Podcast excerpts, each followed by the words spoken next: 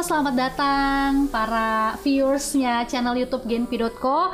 Uh, selamat datang di ruang yang sangat istimewa, ruang miliknya Genpi.co, ruang milik saya sekarang, ruang cerita Genpi.co. Dan untuk episode pertama, uh, spesial banget saya kedatangan tamu yang sempat viral uh, sempat memancing perhatian banyak perempuan uh, di Indonesia, memancing emosi perempuan di Indonesia termasuk saya dengan kisah yang dia bagi di media sosial dan kalau saya googling di nama kamu mm-hmm. itu langsung tuh keluar. Jadi uh, si tamu saya ini namanya kalau begitu kita googling langsung beritanya rame banget berkaitan dengan isu perselingkuhan yang dilakukan oleh suami saat itu dan sekarang udah jadi mantan suaminya. Hmm.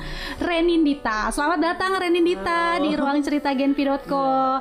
Yeah. Uh, teman-teman genpi.co ada mungkin pa pasti lah ya ada yang ngikutin kisahnya Nindi. Itu Nindi waktu itu sharing kisah uh, pelakor sekitar bulan Juli 2020 yeah. belum lama ini dan saat itu viral banget uh, karena apa? Karena kisah yang dia bagikan menurut saya ya uh, cukup memprihatinkan seorang perempuan muda yang saat itu ingin menjalin kehidupan rumah tangga yang bahagia di di kota orang, di perantauan, tiba-tiba harus mengalami kejadian yang menyedihkan, kemudian uh, diperlakukan begitu menyedihkan oleh suaminya. Oke, Nindi, hmm. detailnya mungkin kamu yang bisa cerita. Waktu itu kisahnya bagaimana sih, Nindi? Kisah awal selingkuh, ketahuan selingkuh atau kayak gimana nih? Uh, justru saya lebih penasarannya hmm. ketika kamu waktu masa pacaran, kamu yakin uh, he's the one tuh kayak gimana sih oh, gitu, okay. sampai mungkin nggak akan nyangka diperlakukan hmm. seperti itu. Uh, kenalnya 2014 hmm. itu lewat aplikasi sebenarnya lewat aplikasi lain. Okay. Ternyata dia adalah temennya temennya aku okay. gitu. Dia nge-add line aku. Itu aku masih kuliah dan dia juga kuliah. Hmm. Uh, kita pacaran duluan baru ketemuan hmm. waktu itu. Terus akhirnya uh, pacarannya lama balki uh, lima tahun hampir lima tahun.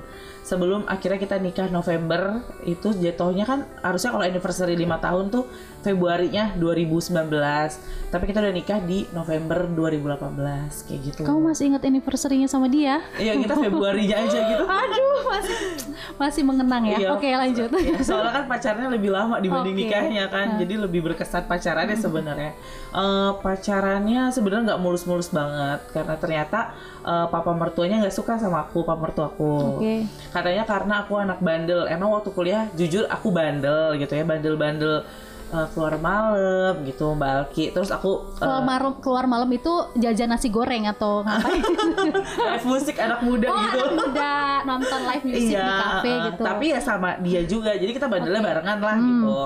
Uh, dia bilang katanya uh, kayaknya ini bukan anak baik-baik gitu. Okay. Tapi mantan kayak waktu itu sampai memastikan orang tuaku ketemu orang tuaku ketemu hmm. ayah ibu bilang aku nggak akan mau nikah kalau nggak sama Renindita kata dia gitu. Okay. Jadi di situ orang tuaku kayak makin percaya gitu. Wah. Modus-modusan laki ya, ya gitu. Oke okay, lanjut. jadi orang tua aku yang percaya wah beneran nih uh, laki-lakinya bener-bener sayang nih kayaknya sama kamu hmm. gitu. Terus sampai kayak selalu terucap Nindi tuh anaknya kan anak pertama gitu. Hmm. pasti keras kepala gitu kan. Uh, Nindi tuh orangnya keras kepala bilang sama mantan gitu. Nindi tuh orangnya keras kepala kamu harus jaga Nindi ya gitu. Apalagi kamu akan bawa anakku kata orang tuaku gitu. Iya aku akan jaga Nindi bilangnya gitu. Jadi uh, dia memberanikan diri untuk um, menikahi aku minta izin tuh udah kayak wow karena aku tahu orang tuanya nggak suka aku gitu. Hmm. jadi sampai dia bilang sama uh, apa namanya sama aku dan keluarga aku kayak walaupun orang tua aku nggak restu kita tetap harus nikah gitu. Oke okay, jadi sampai kamu yakin uh, oh dia pasti uh, jadi kayak uh, sampai wah berarti beneran sampai orang tua aku bilang kalau emang orang tua kamu nggak mau nikahin kamu ya udah kita nikah keluarga perempuan aja yang penting sederhana tapi berjalannya waktu ternyata orang tuanya ya setuju-setuju aja kira kita menikah. Hmm, dan dalam bayangan kamu hmm. saat itu sangat uh, semuanya serba indah gitu iya, ya? kayak nggak mungkin dia akan ninggalin aku karena waktu mau nikah aja perjuangannya tuh wah banget gitu. Hmm, terus abis abis itu kamu dibawa ke kampung halaman dia? Ya karena kan dia kerja di sana jadi uh, aku akhirnya memutuskan untuk resign uh, kerja terus aku pindah ke Makassar. Waktu itu dia bilang kamu nggak boleh kerja kamu jadi ibu rumah tangga. Bagi aku susah. Jadi aku stres di sana nangis karena tadinya aku tuh uh, wanita karir gitu. Aku kerja setiap hari aku bangun pagi pulang sore gitu. Aktivitasku tiba-tiba aku harus jadi ibu rumah tangga nggak apa-apa lah. Yang penting ikut kata suami aku nurut gitu lah. Aku di sana aku tinggalin kehidupan aku di Jakarta aku pindah ke sana. Di Makassar ya? di Makassar itu bulan Desember 2018 jadi sebulan setelah menikah aku Oke. pindah ke sana gitu Apa yang terjadi di sana sebegitu yang kamu tiba pertama kali Mm. eh, langsung kira-kira langsung ada tanda-tanda perubahan sikapnya dia atau semuanya masih baik-baik aja? Eh, semuanya masih baik-baik aja karena eh, waktu itu kita eh, sering liburan. Aku sama itu orangnya suka kayak eh, staycation ke hotel, nginep hotel, nginep sana sini gitu. Eh, jadi aku nggak ngerasain apa-apa gitu, kayak masih baik-baik aja karena kita tadinya ngekos berdua. Jadi awal nikah kita ngekos berdua. Eh, pindah ke rumah itu dibeliin rumah ternyata sama papa mertuaku deket sama rumahnya dia gitu. Jadi mungkin karena dia anak satu-satunya, mungkin maunya deket lah gitu orang tuanya. Jadi aku sih seneng gitu kan karena wah punya rumah gitu. Aku baru menikah udah dikasih rumah, jadi nggak perlu bekerja keras untuk beli rumah gitu. Aku seneng. Eh, itu bulan Februari 2019 aku pindah ke rumah. Itu nggak ada tanda-tanda. Masih Termasuk kayak papa mertuanya yang tadinya terlihat tidak terlalu suka sama kamu, semua nampak biasa aja, biasa aja. biasa aja. Oke. Nah, kemudian eh, oh ya, teman-teman Genpi.co ini sebenarnya bisa dibilang pertama kalinya Nindi eh, curhat Iya. langsung di sebuah media dan di channel yang cukup besar gitu ya. Karena sebelumnya diundang nggak pernah mau ya Nindi. Karena apa? Karena kemarin masih galau, masih Iya. jatuh banget. Ngundangnya bulan Juli aku tolak semua. Oke. Nah, sekarang semoga eh, maksudnya kisahnya Nindi bisa eh, Iya. kita petik pelajarannya. Nah, Nindi, setelah momen-momen eh, honeymoon yang sangat membahagiakan gitu, kapan tepatnya dia mulai memperlihatkan gelagat yang aneh? Hmm, April 2020 waktu corona. Awal-awal corona Oke. Maret deh, Maret akhir ap- apa Maret akhir ke April itu udah aku ngerasa kayak aneh gitu. Baru, baru banget Baru ya banget tahun ini ya. Iya. Oke. Baru banget aku ngerasa dia kayak aneh karena eh, dia selalu pulang telat. Mhm. Alasannya karena corona, karena eh, bengkel lagi kan di bengkel, bengkel lagi hancur banget kerjaannya karena corona. Terus aku kayak oh ya udah aku ngerti gitu. Ya emang karena kan corona berpengaruh sama semua, jadi aku nggak ada curiga atau apa. Cuma dia selalu selalu pulang telat. Jadi kalau siang ini biasanya sebelum eh, kejadian ini kalau siang tuh makan siang pasti pulang karena aku selalu masak gitu kan. Aku masak aku telepon aku masak ya kamu pulang. Oke tapi ke- setelah kejadian ini dia selalu telepon kamu gak usah masak aku bawain kamu pulang. Makan dia bilang gitu. Jadi aku nggak pernah masak. Aku nggak berpikir apa apa aku cuma kayak wah baik banget suami aku gitu kan. Aku nggak boleh masak. Kita malah kayak seneng Iya, gitu ya, heeh. takut kitanya kecapean. Iya, kita diem pikir aja. dia perhatiannya kayak gitu, Iya, ternyata, dia ternyata. makan di tempat Luar, lain. iya. Sebelum kamu ke- suami kamu ketahuan kayak gitu, eh, ada nggak sih kayak pertengkaran yang hebat yang terjadi sama kalian? enggak enggak Nggak sama ada. sekali dia Semua setiap hari manis-manis aja. manis-manis aja dan dia tuh kalau chat tuh selalu mengu- mengucap kata sayang kayak sayang eh, sayang lagi ngapain sayang aku di rumah sayang aku mandi dulu ya sayang kamu jangan lupa makan Oke. selalu Jadi ya, teman-teman genpi.co, ini aku kasih bocoran. Kalau misalnya di dalam percakapan chat eh, antara sama pasangan gitu ya, pacar atau suami, kalau dia masih manggil sayang, yang, say atau beb atau apa, itu tandanya kita lagi baik. Mm-mm. Tapi kalau satu kalimat kalimat yang yang nggak ada, ini pasti lagi ada sesuatu. Kalian belum pernah pacaran ya? Oh ya belum nikah. Oke. jadi nggak tahu.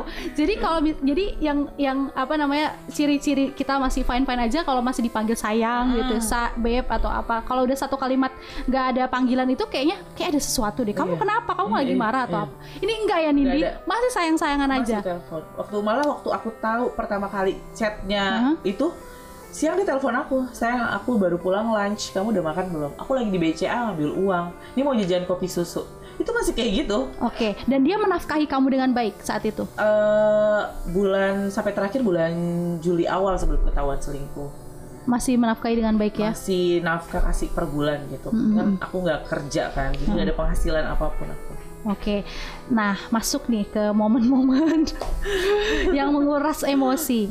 Ketahuannya prosesnya gimana, Nindi?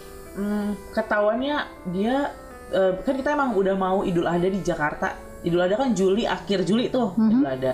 eh, dari bulan Juni dia selalu bilang kamu ke Jakarta duluan. Hmm. Aku bilang aku maunya bareng kamu aja. Ngapain kamu kok ke Jakarta nyuruh aku sebulan setengah ini lama banget loh gitu. Terus dia bilang aku harus ngurusin kerjaan aku banyak banget nih gara-gara corona. Dia selalu alasannya gara-gara corona. Terus aku bilang oh ya udah kalau gitu aku ke Jakarta duluan dan itu ngurusnya susah loh mbak waktu itu harus kayak rapid dulu. Itu kan soalnya baru awal-awal kita boleh Iya, terbang. betul. Heeh. itu ngurusnya sumpah rap- eh, ribet banget sampai pas mau rapid aja dia bangunin aku jam 6 pagi. Padahal tuh kayak rapid tuh masih santai kita bayar ya kan? Sayang bangun saya katanya kamu mau rapid. Ya emang nggak bisa siangan dikit apa ini kamu buru-buru banget gitu kan. Oke. itu 14 Juni. Akhirnya aku ke Jakarta 14 Juni. Di jalan ini nih bateraiku lowbat aku baru landing dia udah telepon berkali-kali. Kamu di mana? Kamu di mana? Udah sampai rumah belum? Aku ngabarin pas aku baru tiduran di rumah aku udah mandi segala macam aku kabarin. Aku tidur dulu ngantuk banget soalnya pesawat pagi dia yang nyaranin. Kamu pesawat pagi aja dia bilang gitu. Dan itu pertama kalinya aku terbang pesawat pagi. Biasanya tuh aku pasti siang atau sore kayak santai gitu loh mbak. Dan dia nyaranin untuk pesawat pagi. It's okay. Akhirnya tanggal 14 aku pulang ke Jakarta ternyata siangnya itu dia ada tiket eh, hotel. Jadi pagi tanggal 14 Juni aku sampai Jakarta eh, aku nemu apa namanya di email siangnya tanggal 14 Di Juni. email kamu, email dia. Ya, yang di di handphone kamu. yang di handphone aku itu masuk tiket voucher hotel. Tapi dia bilangnya kayak sayang jangan ganggu dulu aku lagi pergi sama orang mau meeting. Jadi aku ya oh. Oke, itulah kenapa kamu dipaksa subuh-subuh harus sudah Ke siap Jakarta, ke iya. Jakarta. Dan sebelumnya nggak ada curiga sama sekali. Kenapa sih suami gue maksa-maksa gue kayak cuma gini? pikirnya kayak oh emang corona udah gitu. Oke, email itu gimana? Eh, pada saat? jadi Ya. pertama banget sebenarnya aku tahu itu tanggal 6 Juli. Sebulan setelah itu 6 Juli eh, aku habis nganterin salad buah. Kan aku jualan salad buah ya mbak? Aku habis nganterin salad buah ke Bogor. Pulang dari situ aku ke Junction Cibubur Junction ngambil uang di BCA dia telepon Eh, pulang dari situ aku pulang ke rumah aku buka HP set eh, ap- apa email- Instagramnya dia logout di HP aku. Sedangkan ini Instagram dari aku pacaran 2014 udah ada. Curiga dong kok Instagramnya hilang? Sedangkan wanita itu udah sering follow belakangan ini. Kan masuk kan? Terus aku bilang sama dia ada cewek follow tuh sales. Aku cuma ngomong gitu dia marah. Apaan sih? Itu teman cuma teman bisnis teman meeting kata dia kayak Padahal kamu nggak yang nggak yang, menginterogasi curiga. dia Iya, gitu. nggak curiga sama sekali Tapi dia biasanya. langsung kepancing. Iya. Oke, satu ciri tuh. Iya, Berarti. jadi pokoknya dia follow udah- Tiba kita cuma mention namanya dia emosi gitu. Iya.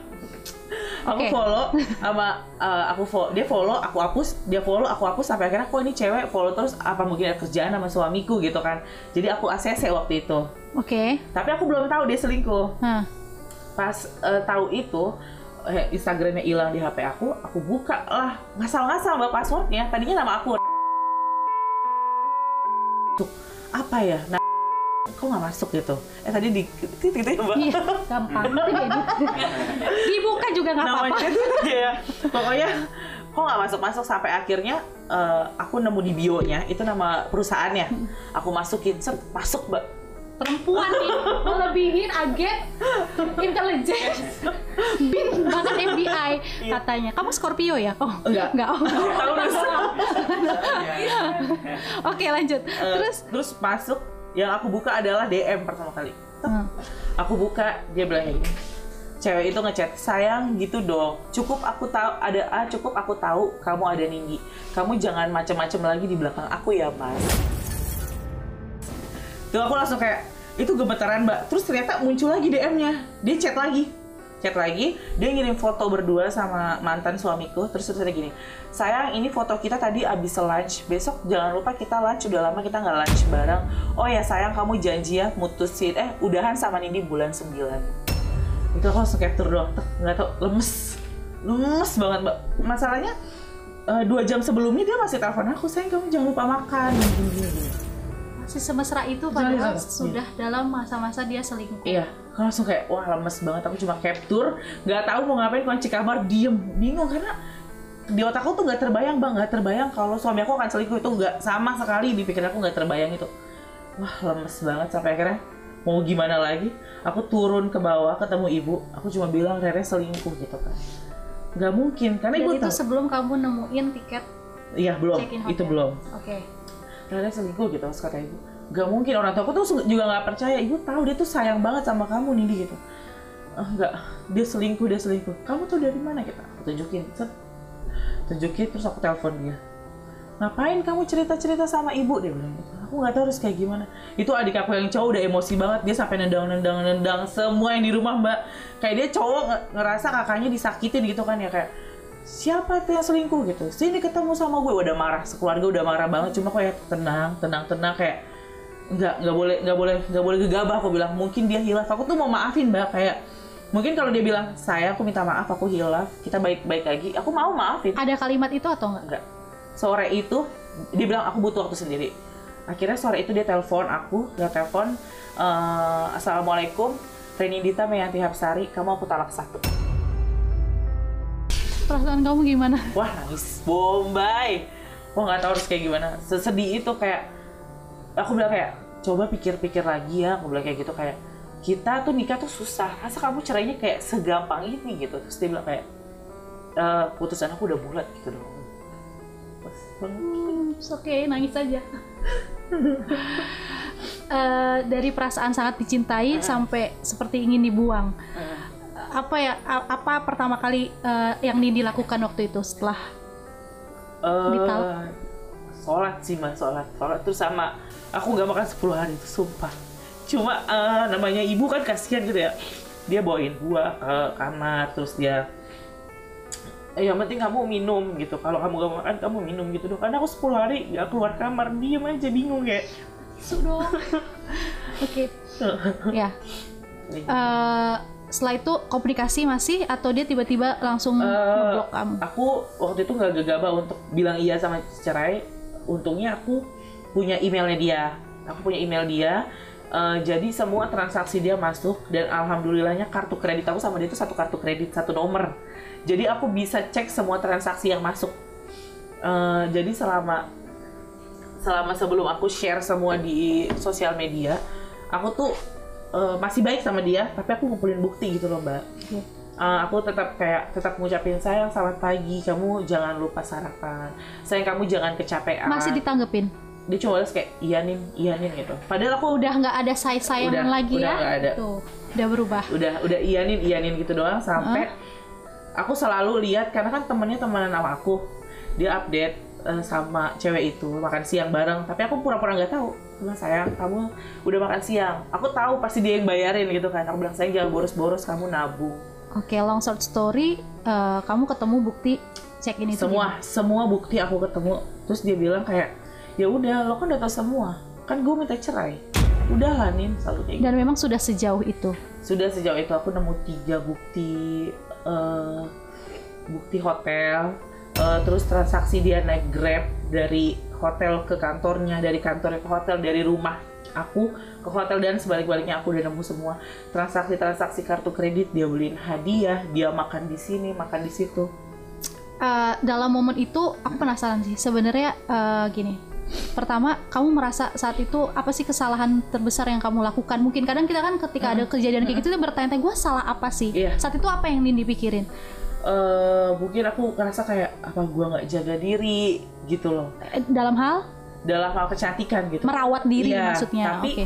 tapi aku berpikir lagi eh, duit dari dia aja nggak banyak gitu loh Oke. mbak dan aku nggak kerja Hmm. aku bisa aja perawatan segala macam gitu nanti duit suami aku habis gimana aku mikir kayak gitu Hmm. jadi aku ke salon tuh jarang jujur aku pas sama dia ke salon tuh Nah, jarang jadi kayak kita langsung self esteem kita langsung drop nyalain diri sendiri apa Iya, karena gua nggak iya, cantik ya, gua nggak iya. ngerawat diri ya. Konflik ya, konflik di Iya. dalam diri kita. Oke. iya maksud aku kayak bisa aja aku perawatan cuma ntar duit suami aku habis aku mikirnya kayak gitu terus Oke. Padahal ya semua cewek butuh dan mau ke salon lah sebulan sekali minimal, tapi aku enggak waktu itu. Oke. Terus apalagi ya, aku mikir mungkin hmm, karena aku nggak akur sama keluarganya mungkin. Oke. Dan selain kamu nyalahin diri sendiri, eh, ketika kamu tahu bahwa suami kamu direbut sama perempuan lain, saat itu yang paling kamu blaming tuh suami kamu atau si ceweknya? Dua-duanya. Oke. Jadi pas setelah kejadian itu eh, ketahuan kan 6 Juli, aku mutusin buat ke Makassar. Seminggu setelah itu, aku mutusin buat mempertahankan rumah tangga. Oke. eh, dilarang sama orang tua aku kayak ya udah orang dianya juga udah kamu nggak bisa bu. Aku harus ketemu langsung. Mungkin dengan ketemu langsung beda aku bilang kayak gitu. Mhm. kamu sendiri. Iya sendiri. Aku ke sana dan dia nggak bolehin aku tinggal di rumah. Jadi aku tinggal di hotel. Itu salah satu yang menyakit paling menyakitkan Iya. atau apa? Bagian mana yang menurut kamu belum paling itu belum menyakitkan. Oke, akhirnya aku ada tidur. lagi. aku tidur di hotel satu malam. Itu dia yang jemput sama supirnya dia jemput kok dia jemput dia nggak menawarkan kayak kamu tidur rumah aja? Enggak dia nanya kamu tidur mana? Aku bilang aku tidur hotel. Itu tiket pesawat aku yang beli hotel aku yang beli. Dia nganterin sampai hotel. Nurunin koper dia nurunin. Sampai lobby doang. Habis itu aku balik ke aku ke kamar dia pulang ke rumah. Jadi dari orang yang hidup bersama tiba-tiba seperti nampak seperti orang asing. Iya, sampai akhirnya besoknya aku inisiatif mau ke rumah. Dia kerja, aku ke rumah terus aku, nah depan rumahnya itu adalah rumah neneknya. Aku ke rumah neneknya. Aku bilang sama neneknya, "Eh, mungkin eh, Yanti tahu apa yang terjadi sama aku. Aku cuma mau ke rumah aku Yanti, aku bilang gitu. Mau perpisahan karena Mas Raya udah bener-bener nggak mau gitu. Ya kamu ke rumah aja itu kan masih rumah kamu gitu. Terus Raya bilang ya, terus aku telepon dia, aku mau ke rumah. Terus kata dia, ya udah ke rumah aja biar bagaimanapun ratunya masih kamu. Dia ngomong gitu Masih. terus aku bilang oh ya udah aku ke rumah foto nikah foto prawedding semua udah diturunin sama dia udah dibalik gitu udah ditidurin yang di kamar semua juga udah dibalik cincin nikah. Ada di meja rias aku. Wah dia udah nggak pakai cincin nikah gitu. Oh ya udah nggak apa-apa. Kayak aku di situ kayak belum bisa nerima gitu kan. Tadinya ini rumah rumah aku gitu. Jadi aku tempelin lagi foto-foto prawedding foto-foto nikah aku tempelin lagi. Terus eh, di situ bener-bener akhirnya dia dia bilang "Eh, gue pulang ke rumah dia bilang gitu. Tunggu. Dia pulang ke rumah dia pulang ke rumah dia duduk di meja makan itu untuk pertama kalinya aku ketemu lagi sama dia setelah kita LDR karena dia nyuruh ke Jakarta kan dia duduk kayak gini HP-nya bunyi mulu terus aku baca nama cewek itu tapi aku kayak ya udah balas dulu aku bilang gitu bilang istrinya datang bilang aja kayak gitu sama Oh, pacar Nindi, kamu punya hati yang sangat besar sekali. kayak Nggak yang ambil, banting gitu. Enggak, dia angkat dulu. Iya, karena tuh cewek bener-bener kayak chat-chat mulu gitu. Terus aku bilang sama dia, ya udah balas dulu tuh, bilang aja istri kamu datang. Apaan sih bukan? Dia selalu ngomong kayak gitu. Terus aku tanya, kamu beneran mau udahan? Iya, dia. Aku tanya, kenapa? Aku nggak suka kalau kita berantem kamu marah-marah. Alasan klise banget. Aku Emang bilang, kamu suka marah-marah? ya se- setiap orang berantem pasti Iya. marah-marah ya mbak aku bilang semua orang berantem pasti marah-marah aku bilang kayak gitu terus aku bilang kasih tahu salah aku di mana kasih tahu Nindi lo kurang ini lo kurang itu. Gue mau lo gini lo mau gue gitu. Lo kan nggak kasih tahu apa-apa. Gue nggak tahu salah gue di mana. Tiba-tiba kamu selingkuh gitu kan. Terus dia bilang enggak emang udah nggak bisa. Terus aku bilang kamu pilih dia. Aku nggak pilih dia. Dia bilangnya gitu waktu itu. Aku nggak pilih siapa-siapa nih jangan bohong aku bilang kayak gitu. Bener. Terus dia udah udah ya mau pulang dulu. Dia bilang gitu. Mau balik ke bengkel maksudnya. Tapi ternyata dia ngundang semua karyawannya untuk jagain aku di rumah Mhm. jadi kita sempat berantem gitu berantem kayak tarik tarikan sayang jangan kayak gitu aku sampai dia tuh duduk di kursi aku tuh duduk di bawah. Kayak ya Allah coba yang lihat ini istri kamu aku bilang coba istighfar deh istighfar. Ini tuh sesaat aku pengen ngomong kayak gitu coba per- lihat perjuangan kita ya. Karena aku kan belum hamil ya mbak. Untungnya aku belum anak tuh. Nah aku tuh hobinya tuh ngoleksi test pack satu garis. Aku sampai bilang nih coba lihat test pack satu garis nih. Coba aku bilang kamu perjuangan kita masih panjang. Coba sadar. Dia kayak diem aja gitu. Kayak gak ada kata-kata terucap. Gitu Sedikit se- sampai kayak sedikit menyembah dia supaya mau kembali iya, gitu. Iya, terus aku bilang, "Eh, aku akan ubah, aku akan ubah semuanya. Aku minta maaf kalau aku jadi istri sama ini gak baik gitu kan. Aku nggak akan ngeluh, karena kan aku kadang-kadang ngeluh kayak, aku pengen ke Jakarta, pengen pulang, kangen sama ibu gitu-gitu. Dia kayak, kamu pulang mulu ke Jakarta gitu kan. Cuma ya ujung-ujungnya dia kasih gitu kan, ya sana pulang ke Jakarta. Ntar dia nyusul atau dia, eh, kamu nggak boleh lama seminggu aja, ntar pulang lagi ke sini gitu. Nah, pada momen apa sampai akhirnya kamu terima eh, dia pergi? Eh, pas akhirnya s- mamanya aku ketemu mamanya aku minta maaf kalau sama ini aku nggak bisa jadi mantu yang baik gitu terus mamanya tuh sama sekali nggak kaget nggak kayak hah? Serius itu dilakukan sama anakku? Nggak cuma kayak gitu. Ya udah sabar aja. Kalau jo eh gini eh, berarti jodohnya sampai di sini. Kita tetap jadi keluarga. Cuma ngomong gitu doang. Aku ngerasa kayak mungkin orangnya udah tahu apa yang dilakukan anaknya. Karena kan ini anak satu-satunya gitu kan dan anak laki gitu kan. Pasti deket sama mamanya. Aku kayak oh mungkin mamanya udah tahu. Terus pas itu aku pulang ke rumah eh, dia dia dan mamanya datang bawa kardus nih buat kamu packing. Kasih aku kardus Alias uh, packing semua barang-barang Iya. kamu yang masih iya. tersisa di situ. akhirnya di situ aku packing terus aku kayak mantepin diri terus ketemu sama tantenya juga. Tantenya kayak kaget karena tantenya sebenarnya nggak tahu. Dia bener-bener kayak pro ke aku gitu kayak serius? Ya ampun Indi ya udah kamu sabar. Udah kamu harus ikhlas gitu. Terus aku kayak kayak jahat gitu aku bersumpah. Ada suamiku ada tantenya ada karyawannya aku bersumpah kamu gak akan pernah bahagia kamu nyakitin aku. Aku bilang gitu. Kamu ngomong gitu. iya kamu gak akan pernah bahagia. Itu momen yang paling menyakitkan bagian mana Nindi? bagian eh, diusir sebenarnya. Diusir kayak eh, harusnya ya eh, aku mau di situ kalau aku nggak bilang iya mau cerai aku pasti berhak di situ. Tapi aku kayak ngerasa kayaknya emang gue udah nggak dibutuhin di situ kan jadi di situ aku berpikir apa aku share aja sekarang Nah, itulah pertanyaan aku. iya Apa yang ngebuat kamu bulat untuk mau membagi kisah yang Iya. sebenarnya sangat personal itu Mm-mm. eh, di media sosial? Karena ketika kita share sesuatu ke media sosial, pasti respon itu kan beragam ya, Iya. Nindi. Entah kamu akan dihujat atau didukung, Iya. we never know gitu. Eh, apa namanya bisa aja nanti ujungnya kamu akan ya tau lah ya mulut netizen gitu ya kan iya komentar netizen apa yang membuat Nindi tuh oke gue harus sharing ini eh, kisah menyedihkan ini ke media sosial Iya, waktu itu. eh, satu karena dia nggak ngomong baik-baik sama orang tua aku kayak "Eh, sorry ibu ayah aku balikin Indi karena aku udah cukup sampai di sini jadi suaminya. Terus atau keluarganya minta maaf sama keluarga keluargaku nggak sama sekali. Aku ngerasa di situ kayak aku yang hancur aku nggak terima. Kamu juga hancur aku bilang sama dia aku akan share aku tuh izin mbak. Aku akan share aku aku udah buat ini tulisan dari semi, seminggu yang lalu pas aku tahu pertama kali kamu selingkuh. Aku akan share aku nggak mau cuma aku aja yang hancur. Tenang bukan kamu aja yang hancur cewek itu juga hancur aku bilang Dan kamu nggak pernah ketemu cewek itu? Nggak sampai detik ini. dia dia sangat takut aku nemuin tuh cewek.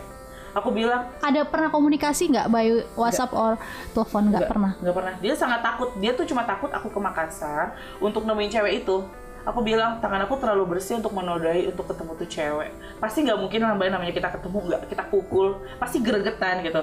Dan pasti suamiku belain dia karena lagi cinta. Jadi menurut aku buang-buang waktu aku temenin tuh cewek. Aku bilang biarin aja sanksi sosial yang bekerja aku bilang. Dan itu terjadi. iya. Dan itu terjadi karena eh, langsung ya. Aku share itu. Di share abis itu akun si perempuan dan bahkan sampai Iya. perusahaan tempat dia bekerja Iya, iya. itu diserang sama netizen pendukungnya Nindi ngeri banget. Itu aduh em, bingung juga ya. Kadang kita sebagai perempuan berharap maksudnya eh, woman empowering woman gitu ya. Iya. tapi ada satu momen ketika satu perempuan yang tidak menghargai ikatan pernikahan hadir gitu eh, tanpa izin. Ya kalau selingkuh ngapain izin gitu? Iya, iya. tapi maksudnya nggak menghargai ikatan itu entah siapa yang menggoda duluan tapi harusnya kan bisa di apa namanya dicegah gitu ya Iya. dan eh, menurut Nindi Mm-mm. em, kalau eh, saat itu Nindi dapat kesempatan ketemu sama si perempuan itu apa yang eh, akan Nindi lakukan? Hmm, kayak sebenarnya sih kayak mau marah sama dia juga nggak mungkin, maksudnya nggak mungkin karena salah dua-duanya kan, nggak mungkin dia menggoda suami nggak tergoda kan, pasti suami juga merespon atau mungkin sama-sama udah lama, karena aku denger-dengar dia udah lama jalaninnya, katanya sih dari Januari atau apa gitu aku. Oke. Jadi kayak kalau aku ketemu dia sih aku mau makasih aja udah nunjukin suami aku ternyata nggak sebaik yang aku pikirin. Oke, dengan apa namanya? Eh, dengan kepercayaan diri Iya. eh, tinggi gitu Iya. kita ketemu dia terus ungkapin thank you udah nunjukin sosok Iya. sebenarnya suami gue. Nah karena Nindi nggak pernah ketemu sama perempuan itu dulu, sekarang Nindi merasa bahwa eh, itu langkah yang tepat atau enggak bahwa Nindi tidak pernah bertemu sama dia. Langkah yang tepat. Hmm. langkah yang tepat menurut aku emang sengaja emang dari dulu nggak ada pikiran untuk mau ketemu sama itu cewek enggak Oke, setelah udah balik lagi ke Jakarta, Mm-mm. Hari-hari seperti apa yang Nindi jalani? Setelah viral gitu Oh. kan, hah?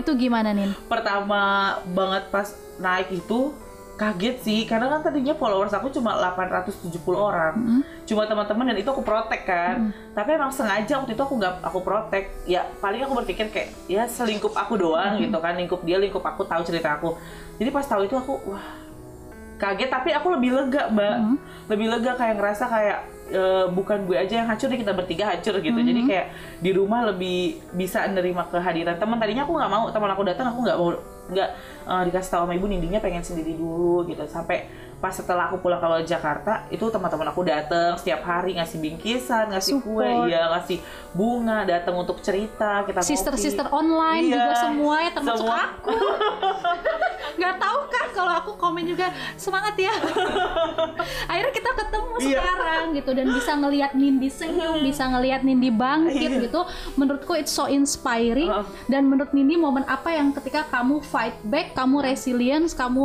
uh, lupain semua kamu maafin kejadian itu semua momen apa yang membuat Nindi akhirnya bisa kuat dan uh, maksudnya bisa maksudnya sekarang tersenyum dengan aku nggak tahu apa Nindi masih menyimpan uh, sakit yang mendalam kekecewaan yang mendalam mungkin Nin- Nindi bisa ungkapin gitu.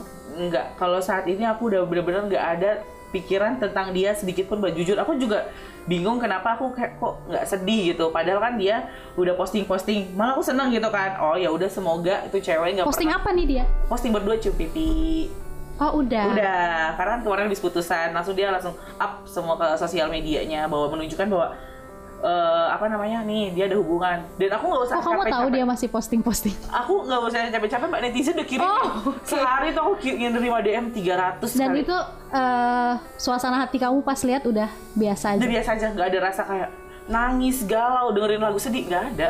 Sama sekali nggak ada. jadi kesimpulannya adalah dia ternyata memilih Iya. jalan Ah. serius dengan perempuan itu Jadi aku nggak usah kasih penjelasan ke teman-teman Instagram, teman-teman Instagram udah bisa menyimpulkan bener mbak apa yang dikatakan kamu selama ini, dah gitu Oke, dong. dan eh, sempet gak ada perlakuan yang sangat maksudnya eh, menyakitkan dari pihak si perempuan itu ke kamu gitu, misalnya entah kamu dituduh apa, di Katanya fitnah. eh, eh, atau apa gitu. Heeh. Katanya eh, dia update, dia update foto berdua dia bilang karena fitnah kita jadi bersama, Hmm. gitu. Jadi kayak oh ya udah terserah deh. Oke, dan sampai sekarang Nindi pun masih kayak belum tahu kesalahan terbesar yang Nindi lakukan apa sampai eh, suami meninggalkan gitu ya. Jadi kayak udah terima peristiwanya Iya, seperti ini. Terus tadi kayak momen apa yang membuat Nindi bangkit dan udah jalanin hidup bahkan sekarang lebih sukses dengan bisnis misinya Nindi. Itu apa momen yang eh kayak aku berpikir kayak masa sih sedih terus gitu kan aku masih muda masih 26 tahun aku bisa cari uang sendiri aku mandiri. Aku kaca nggak nggak jelek-jelek banget kok nih gitu kan. Pasti masih ada yang mau lah aku juga masih pengen nikah masih pengen punya anak nantinya masih pengen bahagia Eh, jadi ya udah itu yang bikin aku bangkit sama orang tua juga kayak setiap hari tuh ngecengin gitu kayak mana pacarnya nggak dibawa ke rumah selalu kayak gitu Jadi, ada? Udah ada pacar? belum Boleh ya yang tertarik sama Nindi ini pengusaha udah sukses. Usahanya sekarang apa aja nih? Eh, baju sama makanan Wow, itulah hikmah da- dari Iya. segala peristiwa yang Iya, buruk gitu benar, ya. benar, benar. Tapi kalau Nindi dapat kesempatan untuk em, apa nyampein mengutarakan eh, apa yang Nindi rasain ke mantan suami Nindi saat ini, apa yang ingin Nindi sampaikan ke dia? eh, orangnya sebenarnya baik ya eh, apa namanya mungkin nggak tahu ini sesaat atau enggak tapi makasih banget selama ini kamu udah baik sama aku dan eh, keluarga aku. Maksudnya eh, tanggung jawab pernah tanggung jawab pernah mencintai aku banget gitu kan sampai hampir tujuh tahun. Hmm. Tapi it's okay kalau emang kayak gini berarti emang bukan jodoh gitu kan. Berarti emang sampai sampai kemarin bulan Juli eh, kita gugat cerai gitu kan. Sampai di situ jodohnya ya semoga. Ini pilihan terakhir buat kamu. Kan dia selalu ngucapin kayak eh Nindi kamu mandiri kamu cantik kamu bisa dapat yang lebih dari aku. Dia ngomong gitu terakhir sebelum bener-bener udahan. Sebelum terakhir bener-bener aku blok semua semuanya Instagram dan segala macam dia ngomong gitu ya semoga omongan dia kan oh, itu adalah omongan baik ya doa baik. Semoga beneran diijabah sama Allah gitu aja. Kalau untuk perempuan itu kalau dapat kesempatan ngutarain perasaan kamu apa yang kamu akan bilang? Eh, apa namanya kita sama-sama perempuan mbak. Cukup satu kali kamu nyakitin hati perempuan sampai kayak gini aku jangan sampai terulang lagi. Yang penting kalau sampai emang berujung ke pelaminan sama mantan suamiku ya langgeng. Semoga eh, keturunannya nggak pernah merasakan apa aku yang rasakan Oke, tapi Nin gini ya, Iya. eh, apa kisah yang mungkin mirip seperti Nin ini banyak terjadi gitu ya banyak, sekarang gitu. Banyak juga yang sharing ke media sosial. Mungkin pesan dari Nindi sendiri buat para perempuan-perempuan yang fighting di eh, kondisi yang sama gitu bahwa dia keluarganya hancur karena eh, apa namanya karena perempuan lain. Apa yang mau Nindi sampaikan? Karena Nindi dalam posisi sudah survive gitu sampai buat Nindi karena dia udah berhasil bangkit. Iya sementara masih banyak nih sekarang perempuan-perempuan lain yang masih bergulat dengan eh, perasaan dihianati gitu. Apa yang mau Nindi sampaikan maksudnya biar bisa sama lah kayak Nindi bisa ngelewatin dengan fine gitu Iya, kalau kalau aku sih kalau emang masih bisa dipertahanin pertahanin ya Mbak. Maksudnya ini rumah tangga, coba omongin dulu baik-baik sama Mhm. eh, suaminya gitu. Tapi kan kembali lagi untungnya aku belum punya baby yang bikin orang berat untuk pisah atau cerai dia pasti mikirin karena aku udah punya banyak yang curhat juga di eh, Instagram sama aku. Aku udah punya anak mbak. Anakku masih butuh sosok ayah. Padahal akunya udah nggak cinta banyak yang kayak gitu. Menurut aku sih ya buat apa jalanin rumah tangga kalau udah sama udah suaminya udah kayak gitu. Menurut aku kalau selingkuh itu udah nggak ada obat sih mbak. Aku udah nggak mau deh bener kan? Jadi menurut aku ya udah udahan aja. Menurut aku tuh hubungan udah nggak sehat banget. Oke. Jadi gini ya Nin, eh, mungkin aku sedikit mungkin sharing juga untuk kondisi psikologis yang mungkin dialamin sama seorang seperti Nindi yang dianati gitu Iya. perasaannya. Biasanya ya kalau perempuan bahkan ini berdasarkan penelitian. iya.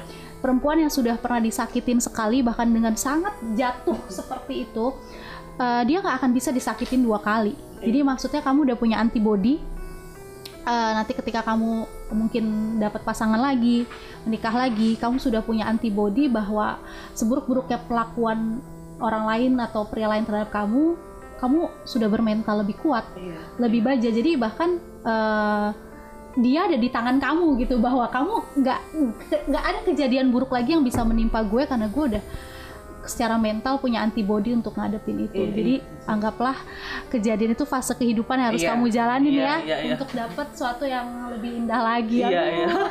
dan saya saya berharap juga bahwa teman-teman perempuan lain di sana yang masih menghadapi kisah yang mungkin mirip sama Nindi karena perempuan lain mengganggu rumah tangga, mengganggu kisah percintaan kita, eh, jangan nyerah untuk cari jalan yang terbaik karena kita bisa lihat bisa petik ya pelajaran dari seorang Nindi bahwa dia menghadapinya tanpa emosi yang meledak-ledak sama sekali, Iya, bener iya, nggak? iya Jadi dia masih secara santun ngomong sama mantan suaminya, kamu kita harus pertahanin.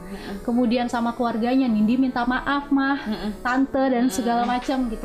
Nggak ada tuh yang datang pukul nggak ada pukul ada Nggak gitu. ada. Dan menurut saya itulah kekuatan yang pada akhirnya Nindi bisa eh, lewatin secara smooth. iya Kita nggak tahu di kamar Nindi nangis atau Iya, apa. Tapi dengan jalan yang smooth Nindi lewatin eh, dengan sangat dewasa dan itu menurutku nggak bisa juga semua orang bisa Hmm. lakukan dengan cara kayak begitu gitu. Jadi apa yang Nindi alami mudah-mudahan teman-teman juga bisa petik ya iya bahwa segala sesuatu bisa dihadapin dengan cara rasional iya biasanya akan lebih tidak meninggalkan penyesalan yang mendalam. Kebayang nggak kalau misalnya Nindi eh, yang udah cakar-cakaran gitu, mungkin kayak sekarang malunya aja iya tinggal iya ya. iya benar-benar. Kayak gitu. Jadi mungkin terakhir Nindi apa yang pengen Nindi sampaikan ke teman-teman eh, pemirsanya Genpi.co dari kisah Nindi yang eh, pernah Nindi lalui. Hmm, apa ya? Pasti yang nonton teman-teman Instagram aku juga ya. Aku mau bilang aku udah nggak mikirin dia sama sekali karena mereka masih berpikir aku galauin mereka mbak. Oke. ya jadi saat ini aku sama sekali nggak ada mikirin dia. Aku udah ikhlas lahir batin. Eh, semoga dia bisa langgeng kalau bener-bener sampai ke pelaminan aku di sini eh, cuma sharing sama mbak siapa? Lupa mbak. Laudia Cynthia Gira. mirip Alki Alki. Iya Mbak Alki, aku cuma sharing nangis karena kebawa eh bawa emosional kan.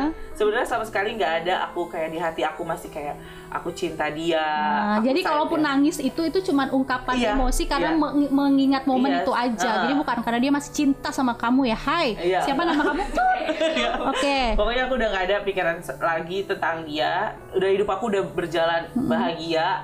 Eh, aku juga udah buka hati buat yang baru. Oh, semoga ya.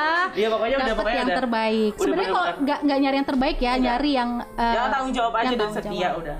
Takut Oke. soalnya kalau nggak ada kata setia. Aduh, dulu kan kayak nyarinya udah yang penting tanggung jawab gitu. Kalau sekarang tambahan yang setia. yang setia. Oh iya. iya.